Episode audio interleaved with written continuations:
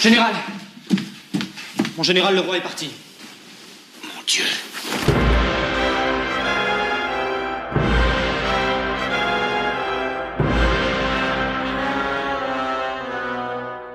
De Franse Revolutie.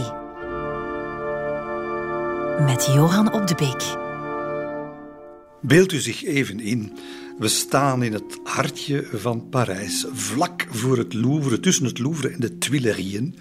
Dat uh, paleis uh, waar de koning gevangen zit in 1789, 1790, 1791. Het is nacht, het is doodstil. Het is de nacht van 20 op 21 juni 1791. En uh, klokslag half twaalf zien we uh, een kleine deur naar de Cour des. Dat is dus aan de kant van de Seine. Die deurtje dat piepend open gaat. Niet de grote poort van het. Nee, een klein deurtje. En daar komen een paar aarzelende silhouetten naar buiten. Wat zeg ik, ze glijden de duisternis in. Wie zijn dat? Niet de eerste, de beste, nee, de eerste. Het is Marie-Antoinette, verkleed als een gouvernante, met haar dochter, met haar vijfjarige zoon, de dauphin, met uh, Madame de Tourzel, haar gouvernante, die uh, een andere naam gaat aannemen. En in het donker, ze sluipen langs de muren van, uh, wat dat wordt allemaal bewaakt natuurlijk. Ze hebben uitgeloerd wanneer die wachtposten van de Nationale Garde langskomen. Enfin, een spionageverhaal. En het is Axel van Versen die hen tegemoet komt, vermomd als een koetsier. Wie is die van Versen? Zeg, wel, dat is een, uh, dat is een uh, edelman die, om het kort te houden, waarvan uh, we nog altijd niet zeker weten, maar waarschijnlijk, mogelijkerwijze, allicht, ik weet het niet, maar de minnaar was en alleszins de platonische minnaar van, van Marie-Antoinette. En die, die zich al, ja, al maanden zorgen maakt om haar, om haar leven. Hè, want we zitten toch wel in een, in een heel spannende situatie. En samen met niet meer dan een groep van zeven hooggeplaatsten heeft Versen eigenlijk met koning en koningin een ontsnappingsplan beraamd. Uh, hoe ziet het er in, in, twee, in twee woorden uit? Wel, men wil eigenlijk naar, naar, naar ons, men wil naar, naar, naar de Belgische streek. Want dat is natuurlijk, dat zijn de Oostenrijkse Nederlanden. Dat is eigenlijk een bondgenoot. Ja, zij is Oostenrijkse. De Oostenrijkers staan klaar met legers uh, hier aan de grens om uh, dat, uh, dat rebels revolutionaire Frankrijk de kop in te slaan. En dus de koning, na, nadat eigenlijk zijn vrouw al van in het begin, al van, van in de zomer 1789, gesmeekt, gedreigd, gevraagd, gebied heeft om te vluchten. Wel, nu eindelijk gaat hij doen, onze besluiteloze vorst. En ze gaan dus een, een reis moeten ondernemen van 286 kilometer, met de koets uiteraard. Dat is toch een zonder oponthoud, hè, zonder oponthoud voor alle duidelijkheid, 15 uur met de koets om de 20 kilometer moeten ze ook van paarden wisselen, want die zijn dan bek af. Doen ze dat, kunnen ze zomaar buiten uit Parijs en door Frankrijk? Nee, dat moet met paspoorten gebeuren en natuurlijk onder een valse identiteit. Wie is eigenlijk de, de, de zogenaamde baas aan boord van de koets? Wel, het is Marquisine de Croix de Tourzel. Dat is eigenlijk de gouvernante van de, van de kinderen van de koning. En, en, en die doet zich voor, die gaat de rol spelen van barones von Korf prachtige naam, die op reis gaat door Europa, dat mag allemaal. En die heeft natuurlijk haar gevolg bij, hè, dat gaat niet anders. Uh, dus dat betekent dat uh, bijvoorbeeld de dauphin, die wordt verkleed als, uh, als meisje. Dat is uh, haar dochtertje, zo gezegd. Uh, er is uh, ook een, een meneer bij, een, een nogal gezette meneer, met een, met een hoedje, een raar hoedje op en een grijze mantel. en dat is de koning. Dat is eigenlijk een intendant, dat is monsieur Durand. Die dus ja, onder vermomming, hè, gewoon dat, dat zijn paleis gaat uitgesmokkeld worden. En dan heb je Marie-Antoinette, die eigenlijk de rol speelt van haar gouvernante, namelijk zij is eigenlijk de gouvernante. En zo gaan die uh, zo gaan die dan met mondjesmaat dat paleis verlaten. Maar dat gaat al, en dus alles is bijna tot in de minuut uitgerekend. Dan moeten ze daar zijn, dan moet die komen en zo. Allemaal goed en wel. ze stappen de Cour Royale over. Daar staat een stadskoets klaar die hen buiten de muren van Parijs moet brengen. Maar dan plotseling ehm, verdwijnt de koningin Uh, vraag me niet waarom, maar die moest, die moest plotseling om een of andere reden moest die terug binnen zijn. Heeft ze daar haar diamanten vergeten? We weten het niet. Maar ze moet terug, op de onduidelijke reden. Twee minuten later komen er weer anderen buiten. Eén met een stok die onderweg toch vindt dat hij nog eens even in volle zicht zo op de Cour Royale. Uh, kunt u dat voorstellen? Voor de toch wel een beetje verlichte uh, gevels van de Tuilerieën. Die moest daar nog even de, de gesp van zijn schoen, alstublieft, uh, een beetje vaster maken. Want u zat niet comfortabel. Dat is natuurlijk, hoe kan het ook anders? Het is Lodewijk XVI, hè, die in, in, in volle vlucht, terwijl allee, het gevaar om elke straathoek schuilt, die moest nog even zijn schoen aandoen. En dus ze, ze, ze geraken uiteindelijk allemaal in die koets. En ze zijn er allemaal, behalve één. Behalve één, zij die het hardst heeft aangedrongen op de vlucht. Het is de koningin toch wel niet zeker. Die ontbreekt. Dus een half uur vertraging. Komt dat mens uiteindelijk buiten adem, en excusez-moi, en wat weet ik allemaal, met een, met een zakje. En ze komt, uh, ze komt dan nog plaatsnemen in die koets. Zo begint die toch wel heel moeilijke en, en, en gevaarlijke vlucht. Zo begint dat. Uh, tweede probleem. Uh, het is een, Franse organisatie ten top, want wat blijkt, ze hebben dat allemaal geweldig uitgerekend, maar nu blijkt er wel uh, in de koets die je uiteindelijk naar België gaat brengen, uh, dat, is een, dat, is een, nieuwe koets, die, die, is, die is een half jaar voor de feiten gemaakt bij een speciale rijtuigmaker, Jean-Louis. een grote koets, niet te opzichtig, donkergroen, niet te chic, maar wel met voldoende plaats. Maar nu zitten ze nog in die stadskoets die hen tot buiten de muren moet brengen. Ze hebben een kleine rekenfout gemaakt. In die grote koets, daar kunnen ze allemaal in. Maar in de stadskoets is er nu toch wel zeker voor één persoon plaats te weinig. En er moet er dus een uit. Ja, wat is dat nu voor een planning? Eh, dat betekent dat die koning daar toch wel een beslissing moet nemen. Als er één ding is dat je niet moet vragen aan Lodewijk XVI, is er om goede en snelle beslissingen te nemen. En hij neemt natuurlijk, na getwijfel, de verkeerde beslissing. Want wat doet hij? In plaats van ja, uh, iemand achter te laten, een, eh, een, een, een versen die op de bok zit of zo, of een van de lijfwachten, laat hij de bekwaamste en de meest gezaghebbende militair die hij mee heeft, die laat hij achter. Marquise d'Agoult dat was de man die ze, ze gaan die nodig hebben, maar nee, die moet nu thuis blijven, plotseling, à l'improviste. En, en zo, ja, proppen ze zich daar allemaal bij elkaar. Hè. De dikke Louis, Marie-Antoinette, die kindjes op de schoot en zo. En, en hobbelend vertrekken ze door de straten. En waar moeten ze door, zeg? Dit, ja, eh, in het begin is het nog makkelijk aan de Tuilerieën, maar dan moeten ze de Faubourg Saint-Martin in het noorden van Parijs. De Faubourg Saint-Martin is uitgerekend de plek waar de opstandelingen vandaan komen, waar de, de sansculotten nu ronkend uh, van de slaap in hun bed liggen, maar morgen vroeg weer klaarstaan om, uh, om voor de, de vensters van het paleis van de Tuilerieën te komen loeren naar, de, naar die vermalendijde koninklijke familie. Dat gaat nogal een surprise zijn. En dus door die straten hoppelen ze nu zo op het gemak, niet te snel, want dan valt dat op. En ja, ze geraken bovendien ook door de, uh, door de grenscontrole, zal ik maar zeggen, aan de stadspoorten van Parijs met die valse passen. En dan, uh, dan uh, ja, een paar kilometer buiten Parijs wacht dan die grote berline. Versen dus de amant, zullen we maar zeggen, van de koningin, die gaat hier afscheid nemen in tranen van Marie-Antoinette. En ja, de zwepen knallen. Hè. De zes paarden van de donkergroene grote koets zetten de rit naar de vrijheid in, maar dan al met een uur vertraging.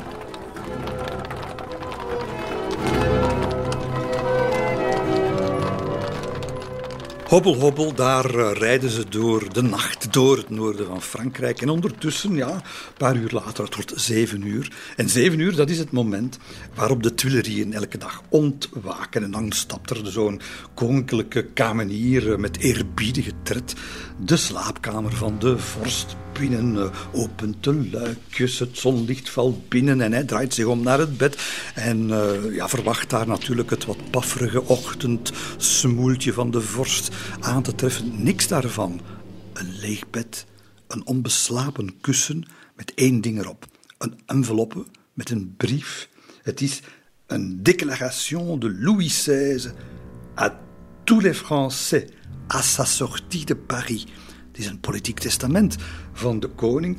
We gaan daar de inhoud, en zeker de Fransen die eerste dagen en jaren gaan de inhoud daarvan niet mogen kennen, want het is een Lodewijk XVI die voor het eerst eigenlijk zijn masker laat vallen, zich vierkant tegen de Jacobijnen keert, dus de grootste strekking binnen de revolutie, pleit voor een monarchie constitutioneel, maar enfin, en, en je kunt al denken, even later, dat, dat moet een minuut later geweest zijn, 60 seconden, misschien 30, klinken de alarmkreten door de Tuileries natuurlijk. Le roi est parti, le roi est parti, où est-il? En, nog 15 minuten later, zo snel gaat het, hè, als, een, als een rollende sneeuwbal, beginnen de eerste uh, waarschuwingsschoten door Parijs te knallen. Van de kanonnen op de Pont Neuf. Dat teken dat het, het groot, groot alarm. De stad zindert van de spanning. De assemblée komt in ja, catastrofe natuurlijk bij elkaar. De ontzettende volksvertegenwoordiging, onbegrip en, en onzekerheid. En, en toch zie je al meteen dat, ondanks deze duidelijke daad van, van hoogverraad van de koninklijke familie, dat toch nog altijd uh, onder druk van uh, de gematigden, van een Lafayette, van een Sieyès, dat de meerderheid nog altijd niet op die dag bereid is om de koning af te zetten. En dat zal helemaal ook niet gebeuren. Uh, men gaat een verhaaltje verzinnen. Het, het wordt gespind, zoals men zegt. Het wordt een ontvoering. Nee, is geen ontsnapping. Nee, nee, nee. nee. Hij is ontvoerd. Conclusie, op dat moment, zelfs in de Club des Jacobins, uh, heerst nog altijd het gevoel dat men die monarchie nog nodig heeft, dat men de koning niet kan missen. En waar zit die koning ondertussen? Wel, die, ja, die hotst en botst over die rotte Franse wegen, want die zijn natuurlijk in vreselijke staat, niet zoals nu. En dan nog s'nachts, dat zal geen koud kunstje geweest zijn. En dat betekent dat, uh, daar hadden ze natuurlijk ook geen rekening mee gehouden. Zij die altijd op de mooi onderhouden lanen van Saint-Cloud en van Fontainebleau en Versailles uh, gewend zijn om daar met de koetsjes, uh, luxe wagentjes over te, te glijden. Nee, die moeten nu noodreparaties doen. Zeg. Die moeten uit die koetsen met man en macht, kapotte wielen en wat weet ik allemaal. En dus ja, het gaat nog wel vooruit, maar dan zitten ze al drie uur achter op het schema. Moet je ook weten dat uh, Louis, koning Louis, dat hij natuurlijk een uh, onstilbare honger heeft. Hè. Uh, dus die moet altijd eten. En als het enigszins kan, ze stoppen ergens om van paard te wisselen. Dan, ja, ik wil toch eventjes nog. En, en, en dus die moet dan een of andere kippenbout, weet ik veel. Maar dat stapelt zich natuurlijk op. En ze, op, dat moment moeten ze al weten. Hè, dus dat, dat de ochtend begonnen is in Parijs. Dat zeer waarschijnlijk, en natuurlijk gebeurt dat, hè, dat, uh, dat de couriers heel het land door aan het rijden zijn om te verwittigen. Hè, om, uh, de rest van het land weet dat natuurlijk niet. Dus ze worden achtervolgd. Dat, dat beseffen ze. Ja, maar hoe gaat dat? Hè? Na al die vreselijke maanden, het moeten uh, het gepeupel gedogen. Hè? Want ze zijn zelfs binnengedrongen op een zekere dag, nog niet zo lang geleden, zijn ze binnengedrongen hè? met duizenden in de Tuileries. En heeft de koning daar vernederingen moeten ondergaan. Ja, en nu zitten ze daar in die koets. Onder hun het windje dat speelt door de ramen. Men ademt de frisse lucht van het platteland in. En ze laten zich in een, in een echte roes schommelen. Hè? Hop, hop, hop. Zo gaat dat daar maar voorbij. En dus, ja, de koning stapt soms eens uit praat je met de boeren, met die sympathieke mensen. Uh, de, de, koningin die bestaat het om ergens... Uh, ja, ze kan, ze kan het niet helpen. Hè. Ze gaat een paar zilveren kommetjes achterlaten bij mensen omdat ze die sympathiek vindt. Ja, maar enfin, die zijn hier op de vlucht. Die, die mensen die, daar, die, die, die kommetjes ontvangen, die dat zilvergrij ontvangen, die, die denken dat is nu wel een vreemd cadeautje van een eenvoudige kinderoppas. Hè, want die rol speelt ze op dat moment. Waar, waar zijn die mensen hun gedachten? Vier uur later gaan die de Marne oversteken. Dat is een Jacobijns bolwerk. Uh, iedereen zenuwachtig nu deze keer wel. Maar het lukt. Ze gaan er gewoon door. Uh, je moet weten, ondertussen is de koning tijdens twee verschillende paardenwissels herkend. De man steekt gewoon zijn kop door dat raam en, en wuift vriendelijk naar de mensen. Monsieur Durand. Alleen nu zeg. Uiteraard zeggen ze van, hé, maar die kennen we toch, van op de munt. Uh, van, van, van, ik, kijken naar muntstukken, dat is hem, natuurlijk, daar heb je hem. Wat komt hij hier doen? Of, die kon dus echt niks fatsoenlijks organiseren, die koningen. Dat is nu toch wel, wel duidelijk. En dan heb je aan de andere kant, dus aan de, aan de kant van de Oostenrijkse, Belgische grens in feite, uh, moesten daar troepen klaarstaan. En die moesten een stuk Frankrijk binnenkomen om toch, want ze weten, er komt er achtervolging. Uh, en dat is de, dat is de hertog de Choiseul die met een, uh, een, hele, een hele groep huzaren. Ja, die, maar wat doet hij? Omdat die Choiseul dus eigenlijk de, de, ja, de, de koning en, het, en, en de familie niet ziet opdagen op tijd, vier, vijf uur achterstand, die vindt er niet beter op om het idee te opperen van, oh, het zal niet voor vandaag zijn. Ze hebben dat uitgesteld. Is hij daarvan op de hoogte? Heeft men iemand dat gezegd? Nee, maar toch geeft hij gewoon zijn troepen het bevel. We trekken wat terug. Door de velden. We zullen wel zien. Maar wat is dat nu weer voor een beslissing? De ene blunder op de andere. En uh, de, de, de, de legereenheden die verderop nog naar het noorden wachten, hè, want het is wel militair, wat dat betreft, waren ze wel voorbereid. Wel, hij stuurt eigenlijk de persoonlijke kapper, want die is bij Choiseul uh, van de koning, Leonardo, die stuurt hij voorop al te paard en om, om die andere legereenheden te verwittigen. Is niet voor vandaag, ze komen niet. Ja, zo liquideert die hertog natuurlijk elke militaire hulp die, die gepland was hè, en die er ook staat op de route van de koning. En wanneer die dan ja, een half uurtje later of zo in, in, in Sumvel bijvoorbeeld aankomt en daar verwacht om 175 dragonders te vinden die hem, en dat, dat gaat toch een serieuze zekerheid geven? Niemand, hè? Daar is geen kat. Volgende plek Saint-Menehould. Uh, niemand. Daar moesten weer eens een paar honderd ruiters klaarstaan. Geen kat. Nu gaat de verrassing omslaan in angst. En, en dat gaat zo maar door. En het is op dat moment dat ze nu ook hun eerste echte grote tegenslag gaan kennen. Want het is een postmeester die de geschiedenis gaat ingaan natuurlijk, Drouet. En die Drouet herkent iedereen. En die Drouet, dat is een overtuigde revolutionair, dat is bovendien ook een lezer, misschien onbelangrijk, een lezer van de krant van Marat, L'Ami du Peuple. Je weet, vorige keer al verteld, Marat, die is al maanden niet alleen vitriool aan het spuwen en allerlei rampscenario's, uh, maar, maar ook voorspelt hij, waarschuwt hij al vele maanden, de koning gaat ontsnappen, hij gaat naar het buitenland en hij gaat zich aan het hoofd stellen van buitenlandse legers om, ons, om onze revolutie te vernietigen. En dus wanneer die Drouet daar uh, ja, op dat onbewaakt moment die koning herkent, ja, die moet daar geen tekening meer bij hebben. Hè. Die, die weet, ik ben hier getuige, getuige van, van een historisch moment. De ontsnapping is een feit. En dus, wanneer de, de avond begint te vallen, zijn ze eigenlijk niet alleen achtervolgd door troepen en zo verder gezanten vanuit, uh, vanuit Parijs, maar worden ze nu ook te paard. Hè. Het, is, het is een echt spionageverhaal. Te paard gaat die Drouet. Nu de koets volgen, zo wat op afstand zo. Het mag niet opvallen. En willen weten waar gaan, waar gaan ze naartoe. En het is klokslag tien voor elf s'avonds, wanneer dat koninklijk gezelschap een slaperig dorpje binnenrijdt. Het is Varren. Een paar honderd zielen uh, wonen daar van de vlucht van de koning. Niemand weet daar iets van. Er is nog niemand aangekomen eh, van, uh, van couriers of dergelijke meer. Louis moest gespannen, hij stapt uit, overlegt met zijn lijfwachten. Nog altijd geen soldaten te zien. En ook geen paarden, want nu zouden ze te paard verder gaan. En, en stom dat het toeval kan zijn, of hoe stom planning kan zijn, ik weet het niet. Maar die man die met die paarden, die officier die met die paarden, die is er wel degelijk in Varennes. Maar die staat toch wel aan de andere kant van, uh, van de rivier. Als je Varennes nooit bezoekt, dorpje ligt door midden gesneden door, eh, door een stroompje en de paarden staan gewoon 200 meter verder van, waar, van de plek waar de koning gestopt is. En die begint daar rond te lopen. Ja, het is natuurlijk een vreselijke situatie. Ze weten niet wat doen.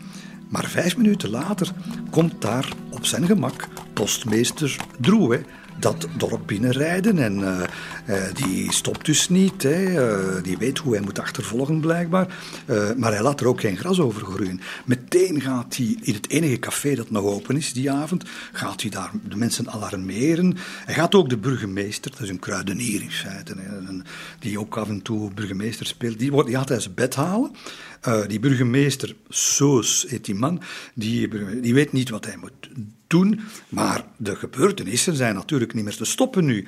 Soos discussieert met Drouet, met de postmeester. De koning van zijn kant die geeft bevel om we gaan toch maar doorrijden met die vermoeide paarden, de rivier over. Dat is toch een zeker, maar het is te laat. Want ondertussen is dat dorp wakker geworden. Uh, de Berline staat vlak voor de brug uh, van de benedenstad, van het, van, het, ja, van het stadje waar de rijweg een klein beetje versmalt zo naar die brug toe. En daar staat er een groepje dorpelingen, waarschijnlijk die gasten uit dat café, aangeschoten, maar wel over hun toeren en met een riek in de hand.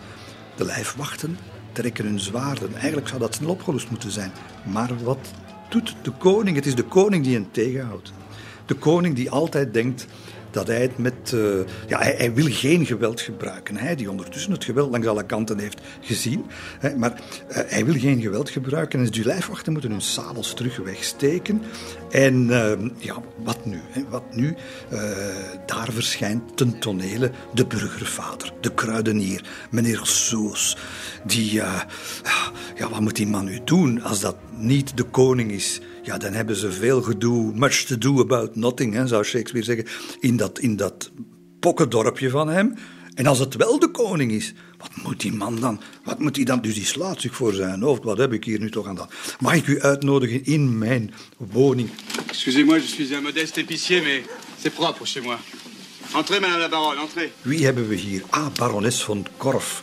Barones van Korf werkelijk, in werkelijkheid die markiezine, de gouvernante van de kinderen, ja, die knikt wat zenuwachtig. Monsieur Durand, de koning zelf, die frommelt wat naar zijn papieren, die doet alsof hij niet bestaat, kruipt in een hoek weg. Uh, ja, en Soos, om een of andere reden, die man wil vooral geen last. Die denkt, die papieren zien er mij in orde uit, die paspoorten. Die man, ja, die ziet er een beetje uit de koning, maar zo zijn er nog. Kom, we gaan die doorlaten. We gaan die... Maar, dat, maar net op dat moment komt die Drouet weer op het toneel. En die Drouet die zegt, die postmeester van een ander dorp dan nog, hè, die zegt van, maar nee, nee, wat doet je nu? Dat gek, die, dat is de koning. En, en dan, er is nog niks beslist, alles kan nog. En dan gebeurt het. Het is namelijk, en het, oh, het is toch zo zielig en het is een treurspel. Het is een, de plaatselijke rechter, of de amateurrechter een beetje, is monsieur Desté die binnenkomt. Ook gealarmeerd door er iets aan de hand en bij Soos thuis. En die Desté, en u hoort mij komen, die heeft nog in Versailles gewoond. En die houdt bovendien van zijn koning, nog uit het oude, uit oude tijd. En dus ja, het onvermijdelijke gebeurt. Die komt binnen, die kijkt meteen de koning in de ogen, die zich nog altijd probeert voor te doen als Monsieur Durand. En, en die man, het is sterker dan zichzelf. Het is, het is de gewoonte van vroeger. Het is met geen enkele kwade bedoeling, met, maar alleen met, met, met minzame onderdanigheid. En hij zegt, ah, sire. Sire. Ja, het spel is uit. Hij, de man is ontroerd, hij knielt, maar iedereen die natuurlijk in die kamer staat, kijkt naar elkaar, weet dat het waar is. Het is de koning. En de koning weet ook dat het verhaal hier gaat aflopen. Eh bien oui, zegt hij goedmoedig. Ik ben de koning. U is de koningin en de koninklijke familie. Ik kom bij u wonen, zegt hij. Dus hij begint, ja, je kunt hem enige zin voor improvisatie niet ontzeggen, uh, Louis. Hij begint daar ter plekke een, een, een, een, dekmanteltje uit te vinden. Ik kom hier wonen, want ik, ik ben het beu in Parijs. Uh, ik laat u niet in de steek. Hij improviseert daar een verhaal bij me. Een.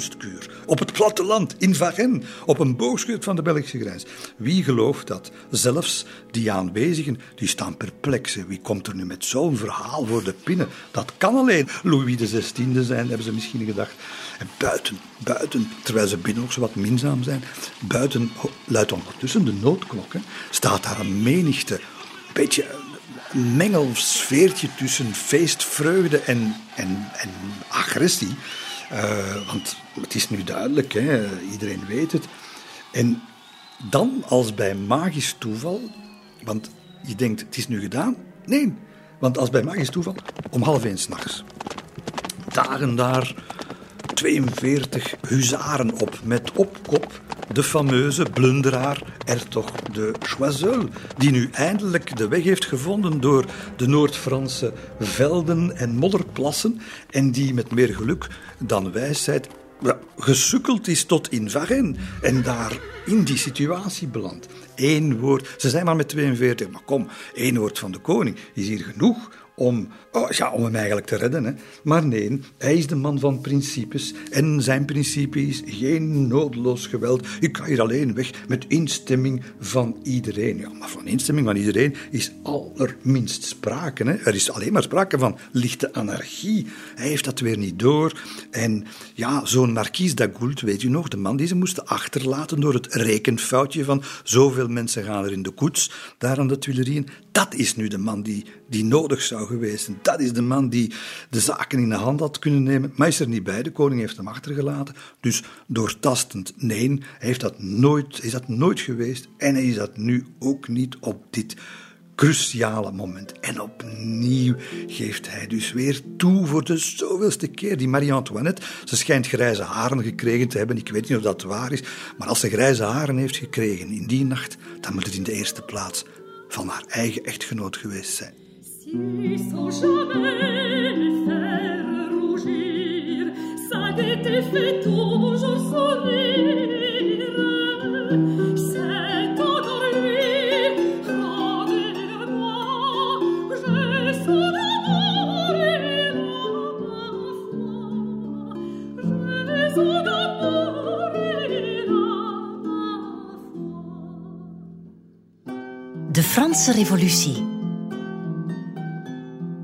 Johan op de Beek.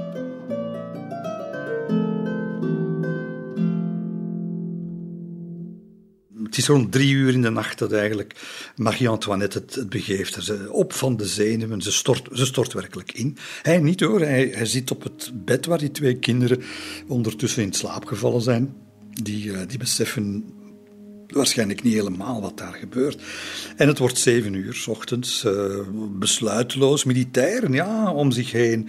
En, en boze, beetje naïeve mensen. Maar hij, besluiteloos, zeven uur. En dan valt de geschiedenis van de Franse Revolutie in een beslissende plooi. Want dat is het moment waarop nu eindelijk twee eilcouriers van de Assemblée Nationale uit Parijs in Varennes aankomen.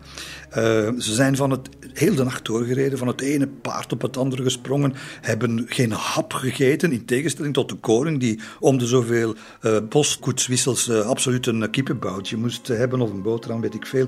Met schuimbekkende rossen komen die daar aan. En natuurlijk, ja, dan is het duidelijk, hè, het bevel van Parijs is die koning moet gearresteerd worden. En dan zucht hij, dan, dan pas de, de twee blunderaars, hè. Uh, de Choiseul, die het daar voor het zeggen had, de koning die geen besluit neemt, maar nu zegt hij tegen Marie-Antoinette: Il n'y a plus de roi de France. Er bestaat geen koning van Frankrijk meer, terwijl hij het arrestatiebevel dat hem zo pas is overhandigd, zachtjes op het bed laat glijden, waarin zijn twee kindjes de slaap der onschuldigen slapen.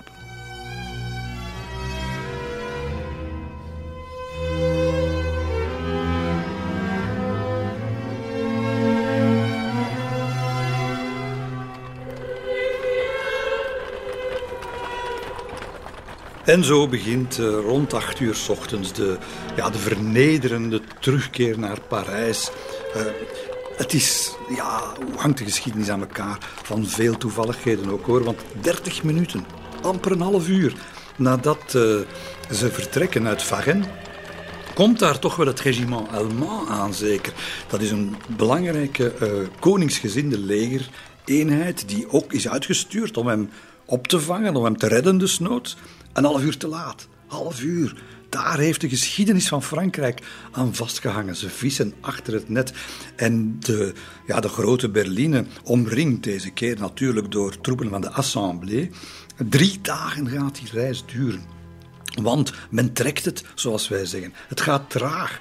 Uh, het is alsof men uh, tijd wil uh, laten aan de mensen aan de kant van de weg om uh, te roepen, uh, plaats maken voor het gespuug, de beledigingen die Le Petit Peuple, zoals men graag in Versailles zei, naar, naar die koets toewerpt en toespuwt. Hè. Duizend jaar gaan zo voorbij, de oude banden, ja, de duizend jaar oude band tussen het volk en de monarchie is verbroken. En dat is natuurlijk een, een geschenk uit de hemel wat de koning hier aanbiedt aan, ja, aan de republikeinen en met name aan de, aan de Jacobijnen, of toch de meest radicale Jacobijnen. Waarom zou je nu nog achter een koning staan die duidelijk te kennen geeft dat hij tegen die revolutie is en dat hij het land eigenlijk verraadt? Dus onder de oppervlakte, wanneer ze terug gaan komen naar Parijs, onder de oppervlakte is er woede. Ja, er is woede boven de oppervlakte. Er is een, soort van een doldraaiende kolk van chaos en woede in Parijs. Maar onder de oppervlakte zit angst angst zowel uh, burgers als, als overheden, uh, uh, nog groter wantrouwen tussen de verschillende politieke groepen. de, diegenen die zijn voor de constitutionele monarchie, degenen die zijn voor iets ertussenin, en dan de, de, de republikeinen. ja, het, het, is natuurlijk een, een compleet imbroglio waar we in zitten. Burgemeester Bailly die heeft de, de, de, Nationale Garde en de politie gemobiliseerd, staan in de hoogste eh, staat van paraatheid. Nationale Garde is trouwens, uh, op, de, op het moment dat men wist dat de koning ontsnapt was, heeft men meteen honderdduizend manschappen gemobiliseerd. Dus te zeggen hoe, hoe imminent het gevaar was.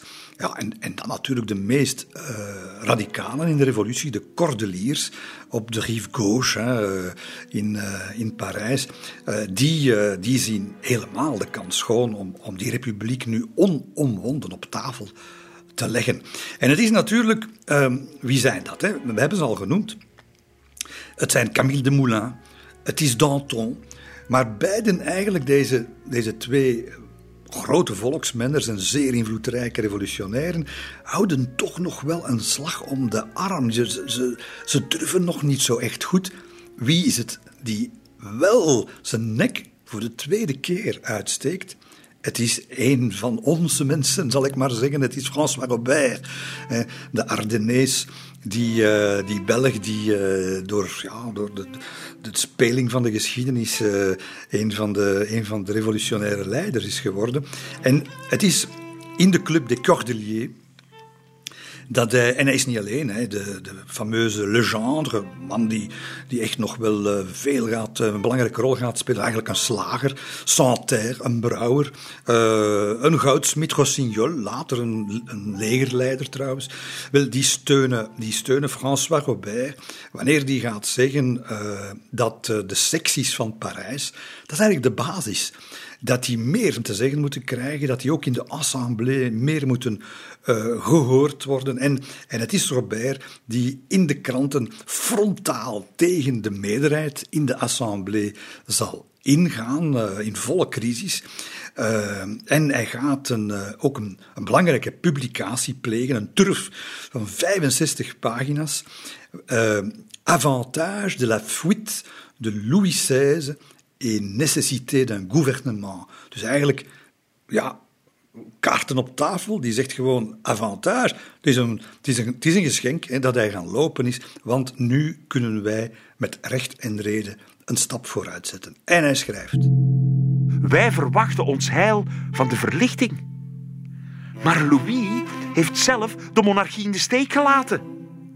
Hij is vandaag niks meer voor ons, behalve dat hij onze vijand wordt.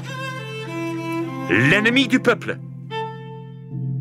De vijand van het volk. Het is François Robert, de Belg, die dat voor het eerst zegt.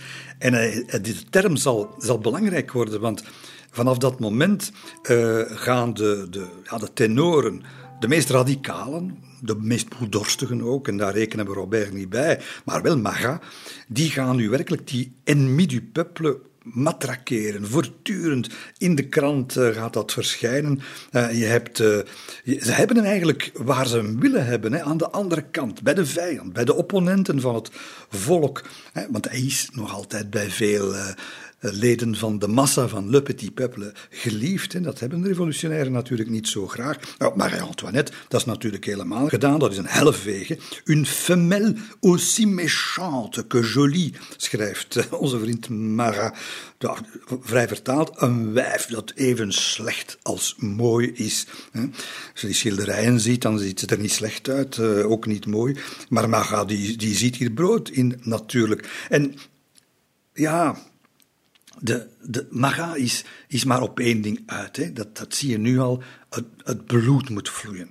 Gobert die is op iets anders uit. Die is uit op een, op een maatschappelijke verandering. En niet noodzakelijk op, uh, op groot bloedvergieten. We staan opnieuw op hetzelfde punt als toen de Bastille viel. Vrij en zonder koning. We dienen de vraag te stellen of we een nieuwe moeten aanstellen.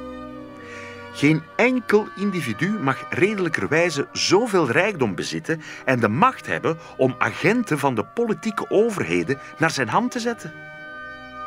Hoe belangrijker het ambt is, des te korter zal de ambtstermijn mogen duren. Dat is onze vaste overtuiging. Wel, hij is eigenlijk op dat moment bijna aan het zeggen, ja, de republiek dat is duidelijk, maar hij is bijna aan het zeggen, er moet een president komen zal dat woord ook nooit letterlijk gebruiken, maar alles wat Robert en, en later ook de anderen gaan, gaan vooruitwendigen aan, aan verzuchtingen naar de nieuwe staatsvorm, dat, dat, is, dat is La Première République met een president verkozen, met een beperkte termijn, met beperkte machten. En, en, en ja, dat, uh, daar zijn we niet aan toe hoor, want er zijn ja, binnen die groep van, van 800, 900 leden van de Assemblée zijn er een kleine 300 die eigenlijk uit protest tegen het aanblijven, hè, want men, men gaat hem wel schorsen, de koning, maar men gaat hem niet afzetten. En dus hij blijft aan. Uh, en uit protest gaan er een, zo'n 290 volksvertegenwoordigers de assemblée verlaten. Wat dat betekent dat twee derden toch nog altijd wel voor zijn ja, men is nog net niet klaar voor die, voor die grote omslag. Laten we niet vergeten, het speelt zich allemaal af op een moment dat, uh, dat de koning aan zijn terugkeer, aan zijn ja, vernederende terugkeer bezig is. 25 juni. Het is bloedheet. De Parijse straten bakken in de zon en daar komt die koets aan. Met, met, met, dat, natuurlijk, met, dat is een, een spektakel geweest. Hè? Het stadsbestuur weet dat ja, ze moeten dat onder controle houden, zeg, want dat, dat kan aardig uit de hand lopen. En ze gaan dus een, een verordening uh, uh, bevelen. Hè. Al wie de koning toejuicht, zal bestraft worden met stokslagen. Maar, maar tegelijk, al wie hem beledigt, zal worden opgehangen. Je, kunt al denken, dus met vier uur later komt die koning, enfin het hele gezelschap, uh, niet via de binnenstad, maar via de Champs-Élysées. Dat is op dat moment eigenlijk nog de, de meest kalme buurt van Parijs. Hè. Uh, langs een dichte haag van cavaleristen die uh, hem omringen. stapvoets rijdt die koets de stad binnen. ja, tijd genoeg natuurlijk om de koets te beschimpen en desgewenst wat modder naar te gooien. Nationale Garde bij de Tuilerieën staat klaar. Duizenden soldaten staan klaar, vormen een eerhaag zoals dat gebruikelijk is. Maar één klein detail. Ze steken niet hun bajonetten omhoog, maar hun geweerkolven steken omhoog. Zoals men zou doen bij een begrafenis. En dat is het natuurlijk ook. Het is, ja, wie die symboliek heeft bedacht, ik weet het niet, het kan niet Lafayette geweest zijn, maar dit is natuurlijk het ten grave dragen van de koninklijke macht, ofschoon hij in theorie nog altijd wel op de troon zit. En dus veel, veel uren gaan voorbij voor die koets en en de hele entourage daar uiteindelijk geraken. En dan uh, om zeven uur s'avonds staat daar een zwijgende massa die, die ja, op zich wel straf. Hè? Een revolutionaire massa die zwijgt daar. Dat moet toch wat geweest zijn. Een dodelijke stilte wanneer ze daar het gezelschap de, de Champs-Élysées zien, zien beëindigen en aan de Tuilerieën aankomen. De koningin droeg een zwarte hoed waaraan een krijpen hing, waardoor ze niet gezien kon worden. Ik zag ze afdalen naar de voet van de zuilengalerij. De koningin voelde zich duidelijk onwel. We moesten haar ondersteunen bij het binnengaan. De koning stapte uit de sedan met gebogen rug, zijn hoofd begraven in zijn schouders. Hij vermeed ieder oogcontact.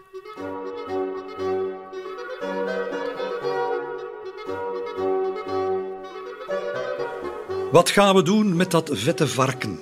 Het varken in kwestie is de koning. En de vraag wordt gesteld door Jacques Hébert uh, in Le Père du Chêne, een van de meest invloedrijke revolutionaire kranten. Het vette varken, ja, het zegt genoeg. Hè? Uh, er is een belangrijke strekking aan het groeien. Hébert, Marat, die, uh, die eigenlijk tegen de meerderheid ingaan hè, en het gaan halen als minderheid binnen de revolutie meerderheid die nog altijd voor die beperkte koninklijke macht is, binnen een grondwet en zo verder.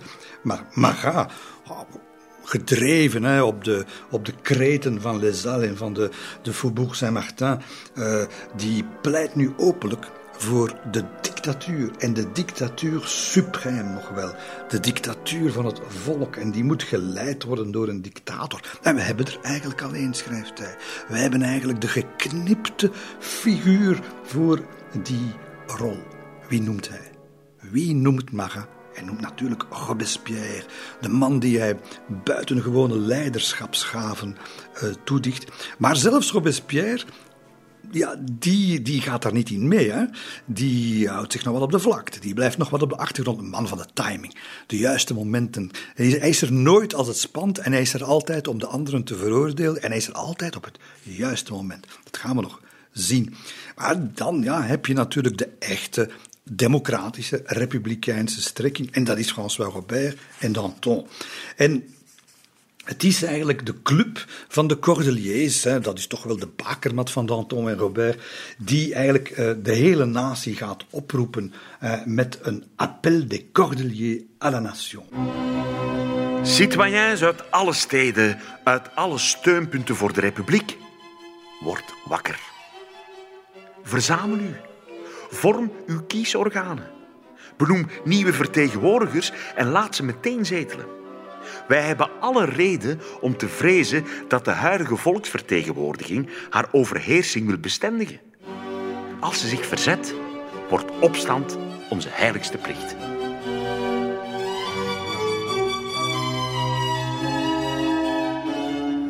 Ja, deze revolutionaire uit België heeft toch wel uh, echt wel geweldige one-liners ten beste gegeven. Want hij gaat ook op een bepaald moment een geweldige ja, toespraak in de, in de club, in de Club des Cordeliers houden. Met een zin die ik fantastisch vind. Hij zegt: En 15 jours, nous avons vieilli de deux siècles. In twee weken zijn we twee eeuwen ouder geworden. Hè. Uh, daarmee bedoelt hij natuurlijk, dit, op, op zo'n korte tijd hebben we, hebben we zo'n geweldige sprong voorwaarts gemaakt in de richting van de toekomst, de maatschappij van de, de toekomst. Ja, maar voor de rest bevinden wij ons in Parijs en we naderen, we naderen een belangrijke verjaardag. 14 juillet, 14 juli, de tweede verjaardag van de val van de Bastille. Vorig jaar, 1790, nog gevuurd met feest en zo verder. En nu in een sfeer van spanning. Lafayette, die op zijn paard door de straten rijdt, uh, voortdurend patrouillerend met zijn troepen. Uh, de, de politie in alle staten. En, en het is in, in die heel gespannen sfeer dat er iets formidabels gaat gebeuren. Uh, terwijl eigenlijk de grote kanon van de revolutie in de assemblée, in de ver, verkozen volksvertegenwoordiging, eigenlijk zich stilhouden, niet goed weten wat, wat doen, ga je eigenlijk uh, ja, weer de, de, de druk van het volk van de straat voelen. Het is aan de vooravond van de 14 juillet dat uh, 4000 mensen, volksmensen, gewoon de Club des Jacobins, de elite van de revolutie, binnenvallen en daar eisen dat het moet gedaan zijn, dat die revolutie niet volbracht is. Barnave, eh, een toonaangevende Jacobijn, gaat daar tegenin. En die had nog gezegd, wat gaan we doen? Ik stel u de vraag, gaan we de revolutie beëindigen of gaan we opnieuw beginnen? En hij antwoordt, hij geeft zelf het antwoord. Nee, het is tijd om de revolutie te beëindigen in het belang van de stabiliteit van het land, van de monarchie. Ja, en wat zegt hij ook? Als we er nu niet mee ophouden, dan zal de volgende stap naar gelijkheid, spijtig genoeg, een aanval op het eigendom zijn. Maar er komt volk op straat tegen die, eh, tegen die positie tegen dat eh, stoppen van de revolutie. En wie verschijnt op het toneel, en het, is, het zal zijn hoogtepunt zijn uit zijn leven misschien wel, het is onze François Robert. Moet zich voorstellen, alle revolutionaire clubs zijn op de avond van 16 juli uh, allemaal bijeen. Noodvergaderingen, afgeladen zalen met kokende, kokende meetings, uh, arrestaties op straat ondertussen. Uh, men wil duidelijk, men voelt dat, er een, dat die dat die republikeinse beweging, dat die wil doorzetten, dat die, een beetje tegen de meerderheid in natuurlijk, maar ze nemen een besluit en men gaat, men gaat de volgende ochtend, dat is een zondag, dus veel volk op straat, gaat men één grote optocht houden naar de Champ de Mars, uh, in een Parijs dat, ja, let goed op, op het randje balanceert, hè, op het randje van een burgeroorlog. Hè. Uh, ze zijn allemaal weg, de grote kanonnen. Robespierre, die vervoelde dat. Die was geen velden wegen te bekennen. Danton, die was al gevlucht naar Engeland. En dus, ondanks samenscholingsverbod en zo verder, gaan er tienduizenden mensen, dat moeten er veel geweest zijn, op het Champ de Mars uh, samenkomen. Champ de Mars, kent dat? Ligt vlak, voor, eh, vlak bij de Eiffeltoren uh, in, de, in, in de Invalides. Dat is 25 hectare. Hè? Dat is enorm. En dat raakt helemaal gevuld met mensen die, komen, ja, die, die, die willen dat er verandering komt. Wel, het terrein wordt op dat moment al ingesloten. Langs de twee toegangen, langs de twee kanten, door de Nationale Garde. Kanonnen worden daar geposteerd. Lafayette met duizenden troepen, maar veel, veel, veel meer volk op de Champ de Mars zelf. En het is daar, te midden van een, ja, van een enthousiaste, uitzinnige massa. Een rood, wit, blauwe massa. Want iedereen heeft vaandels bij en armbanden in de driekleur. Dit is de republiek. Hè. Dit, dit is de echte republiek en marche. En het is daar dat op het altaar van het vaderland dat daar staat, een symbool van, uh, van de revolutie, dat je daar mannen de trappen ziet beklimmen en op kop. De Belg met zijn lange krullende haren, die zijn ronde gezicht omkransen, zijn lichtjes corpulente maar gespierde lichaam. Het is François Robert, die daar ter plekke op een van de houten tredes van de trap een petitie gaat schrijven aan de Assemblée, waarin hij namens de massa gaat eisen, gaat zeggen: vanaf nu is Frankrijk een republiek. Dat wordt voor, hij gaat het ook voorlezen. Ja, aan de uithoeken van de Champ de Mars gaan ze dat niet verstaan, hebben niet gehoord. Maar die 20, 30.000 man vlak rond hem, die zijn daar gek geworden van vreugde gedaan met de monarchie, à en dat soort dingen.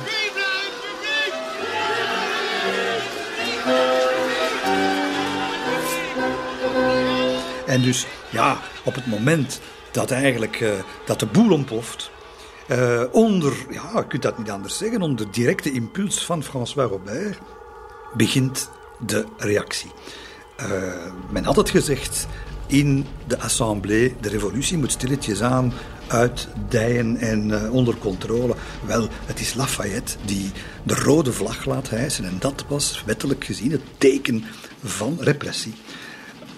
De troepen maken zich klaar uit de menigte, boegeroep, uh, de burgemeester aan het hoofd van verse troepen steekt de scène over. En dan plotseling beginnen langs beide kanten van die, van die massa begint uh, de Nationale Garde het vuur te openen. Het vuur te openen op de eigen mensen.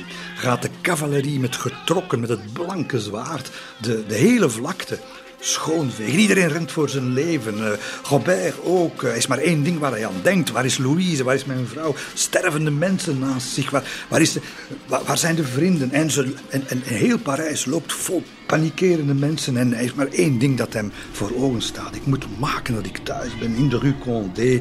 Uh, ik, als, als zij maar leeft. En hij stormt de trappen op van zijn appartement en treft daar een in tot tranen toe bewogen Louise. Ze vallen elkaar in de armen en ze vragen zich af, is het afgelopen?